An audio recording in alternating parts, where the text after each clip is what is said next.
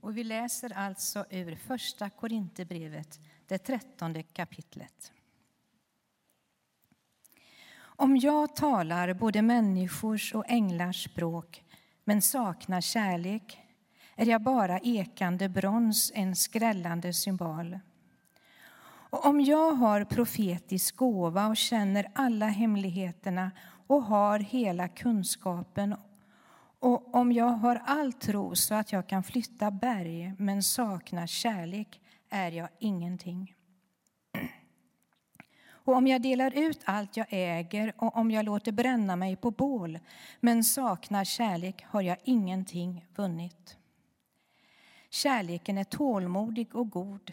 Kärleken är inte stridslysten, inte skrytsam och inte uppblåst. Den är inte utmanande och inte självisk. Den brusar inte upp. Den vill ingen något ont. Den finner inte glädje i orätten, men gläds med sanningen. Allt bär den, allt tror den, allt hoppas den, allt uthärdar den. Kärleken upphör aldrig. Den profetiska gåvan, den ska förgå. Tungotalet, det ska tystna. Kunskapen, den ska förgå. Ty vår kunskap är begränsad och den profetiska gåvan är begränsad. Men det fullkomliga kommer ska det begränsade förgå. När jag var barn talade jag som ett barn, förstod som ett barn och tänkte som ett barn. Men sedan jag blev vuxen har jag lagt bort det barnsliga. Ännu ser vi en gåtfull spegelbild. Då ska vi se ansikte mot ansikte. Ännu är min kunskap begränsad. Då ska den bli fullständig som Guds kunskap om mig. Men nu består tro, hopp och kärlek. Dessa tre, och störst av dem är kärleken. Och så fortsätter vi och läser ifrån Johannes, det tolfte kapitlet och verserna 20 till 25 som finns på sidan 766. Bland dem som kommit upp till högtiden för att tillbe Gud fanns några greker. De sökte upp Filippos, han som var från Betsaida i Galileen och sade, Herre, vi vill gärna se Jesus. Filippos gick och talade om det för Andreas och Andreas och han gick och talade om det för Jesus. Och Jesus svarade dem. Stunden har kommit då Människosonen ska förhärligas.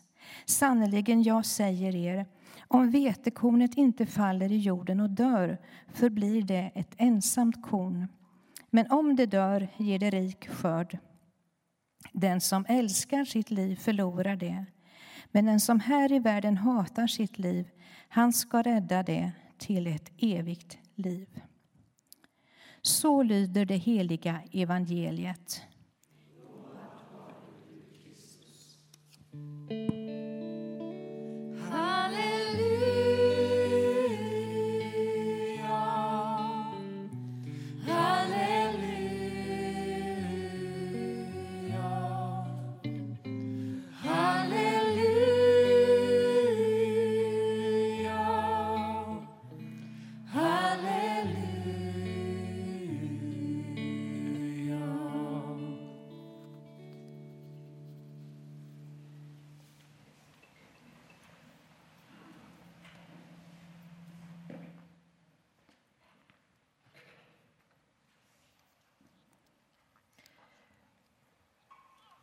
Med tanke på situationen i världen idag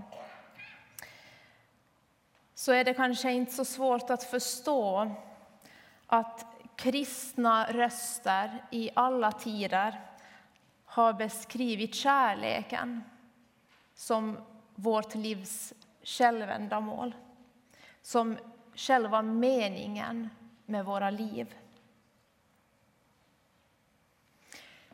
Men vad är kärlek?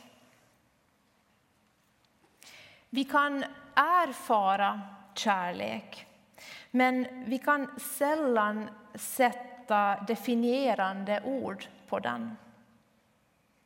Ofta kan det vara lättare för oss att säga vad kärleken inte är. Och så verkar det också vara för Paulus i hans hyllning till kärleken i Första Korintierbrevets trettonde kapitel. Det talas där mer om vad kärleken inte är än vad den är. För ja, vem av oss kunde påstå att vi kan förklara kärlekens väsen? Och så är det ju ofta med stora ord som kärlek, sanning, godhet, skönhet. Det är ord vi inte kan definiera eftersom det är ord som används om Gud själv. Och Gud kan vi inte definiera. Den kanske tydligaste definitionen på kärlek i Bibeln är orden Gud är kärlek. Närmare än så verkar vi inte komma. Och I mötet mellan Jesus och Pilatus så frågar ju Pilatus vad är sanning? Men han får inget annat svar än det svar Jesus precis har gett. Orden Den som hör till sanningen lyssnar till min röst. Alltså, Jesus är sanningen. Gud är sanning, Gud är kärlek. Men vi kan inte definiera Gud och vi kan inte definiera kärleken. Men Jesus ber oss heller inte att göra det. Utan Jesus uppmaning till den som vill lära känna honom är Följ mig. Alltså, för att nå kärlekens mysterium behöver vi inte så mycket förstå. Som vi hörde, kunskapen ska ju förgå. Utan vi behöver lära oss att leva ett kärleksfullt liv i Jesu fotspår. Och det är ju här som fasta och andra asketiska praktiker kommer in i bilden. De är tänkta att lära oss att leva liv som präglas av kärlek. Och nu är vi ju på den plats i kyrkoåret där vi förbereder oss för den stora fastan som inleds nu på onsdag. Och den enda orsaken till att vi fastar, hur den fastan än må se ut, är vår tro att fastan hjälper oss att älska. Att fastan hjälper oss att hålla oss på kärlekens väg, den väg som leder till livet. Fastan innebär att sätta en regel, en begränsning för sitt liv.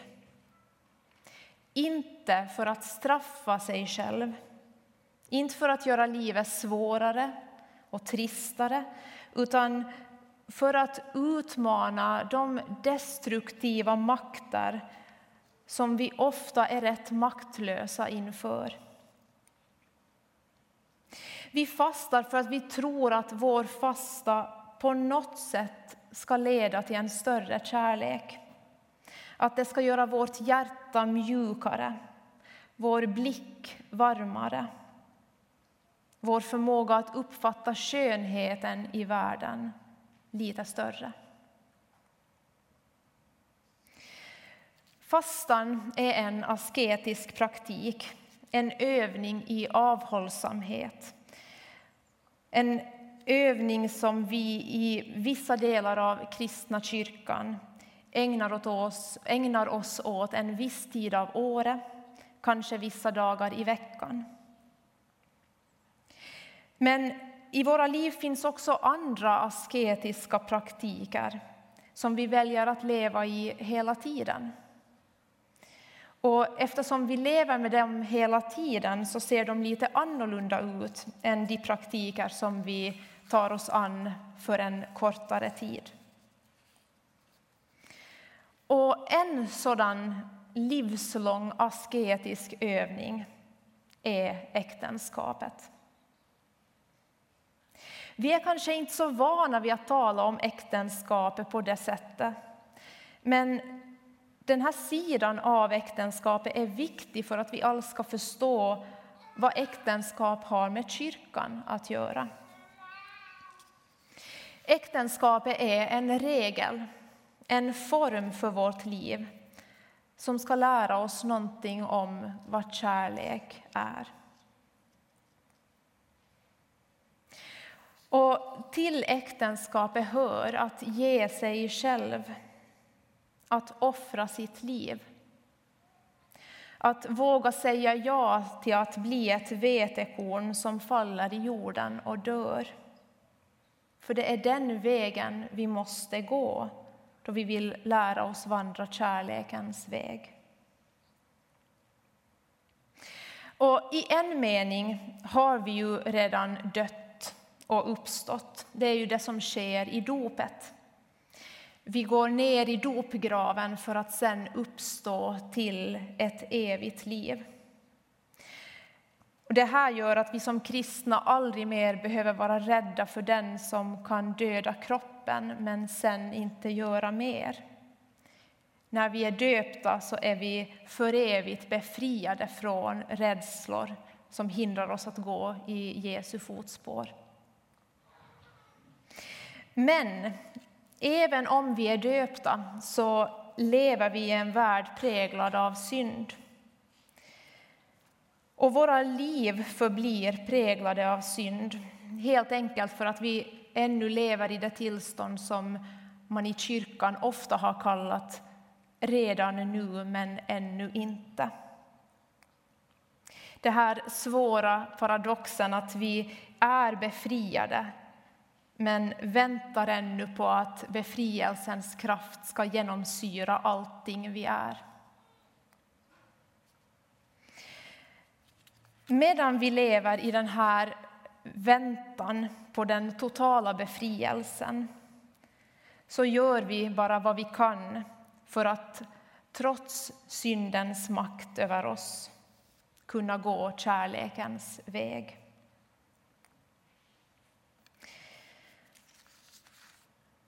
Att leva i äktenskap är i bästa fall en livsform som befriar oss från mycket av vår själviskhet.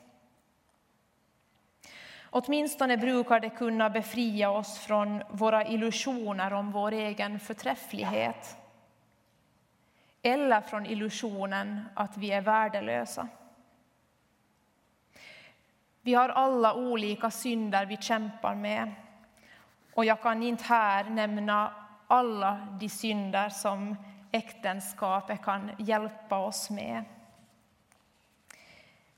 Men ja, det är det här som borde hända då vi binder oss till att leva inte bara för oss själva utan för en gemenskap. I den kristna kyrkans historia har man alltid tänkt att en människa behöver en gemenskap. Man har ofta talat om å ena sidan äktenskap och å andra sidan klostergemenskaper. Men många av oss idag lever varken som gifta eller som munkar eller nunnor. Men här finns ändå en djup vishet. Och den här visheten kan i bästa fall fördjupa vår syn på församlingen. För gemenskapen är avgörande för vårt kristna liv. Det att vi i vår vilja att gå kärlekens väg placeras in i en gemenskap det är en garanti för att vi verkligen ska kunna lära oss älska Gud och inte oss själva.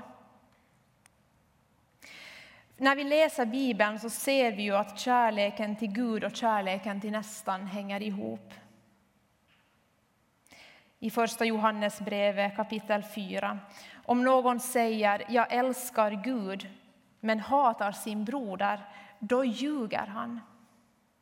Ty den som inte älskar sin broder som han har sett kan inte älska Gud som han inte har sett.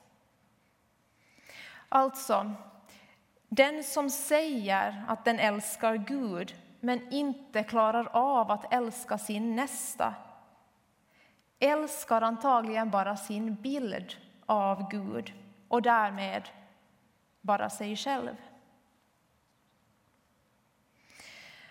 Att leva nära en annan människa, att ge sitt liv för sin nästa det är att leva i Jesu efterföljd och lära känna kärleken, lära känna Gud.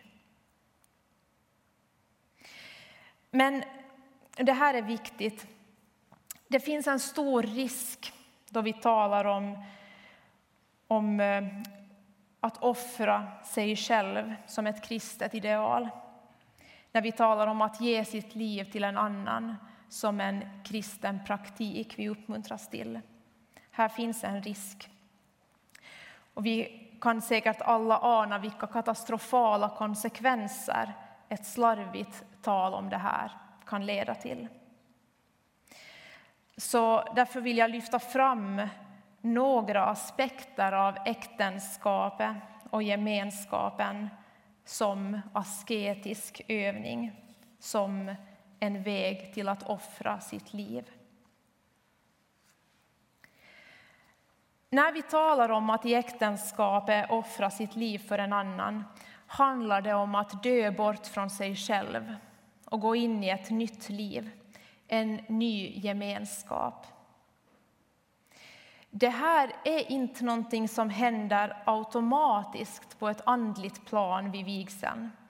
Det är någonting som utvecklas med tiden och som får växa till om vi förblir trygga i vår gemenskap. I äktenskapet ges vi alltså möjligheten att under resten av vårt liv få öva oss i kärlek, i självuppoffring, i medmänsklighet. Men det är alltså vi själva som erbjuds möjligheten att offra oss. Din partner har inte rätt att offra dig. Den du lever med har inte rätt att placera dina behov under sina egna. Din partner har inte rätt att kräva ditt offer. För när vi av Kristus bjuds att offra oss själva, då handlar det alltid om ett frivilligt offer. I Johannes 10 säger Jesus Fadern älskar mig därför att jag ger mitt liv för att sedan få det tillbaka. Ingen har tagit det ifrån mig. Jag ger det av fri vilja. Och som det står i Johannes 15. Ingen har större kärlek än den som ger sitt liv för sina vänner. Men jag vet inte om någon har större hat än den som tar livet från den som han eller hon säger sig älska. Offret är alltid en gåva till varandra och ytterst till Kristus. På det här sättet så är äktenskapet nära besläktat med nattvardsfirandet. Brödet och vinet bär på en djup mening. Brödet och vinet är tecken för människans hela liv. Det är våra liv, det vi gör, det vi lever av. Det bär vi fram till altaret. Och vi ber Kristus att ta det i sina händer, lyfta det, välsigna det och sen ge det tillbaka till oss det som nu har blivit förvandlat i Kristi händer. Och så är det också i ett äktenskap. Vi får bära fram våra enkla liv och be att Kristus ska ta våra liv i sina händer. Lyfta det till himlen, välsigna det och sen ge dem tillbaka till oss, men nu förvandlat till någonting ännu sannare, vackrare, godare, någonting ännu mera kärleksfullt. Allt handlar om kärlek. Allt vi gör. Äktenskap, fasta, det kristna livet, kyrkans gemenskap, det att vi är samlade här idag. Allt handlar om kärlek. Kyrkofadern Augustinus skrev Ett liv utan evighet är inte värt namnet liv. Det enda sanna livet är det eviga. Det enda sanna livet är det eviga. Och som vi hörde i Första Korintierbrevet 13 så ska allt annat förgå, men kärleken består. När det fullkomliga kommer ska det begränsade förgå. Kärleken är det som blir kvar när allt annat har lämnat scenen. Därför är kärleken meningen med våra liv. För det är bara kärleken vi tar med oss då vi en dag ska fira den stora eviga bröllopsmåltiden i Guds rike. Amen.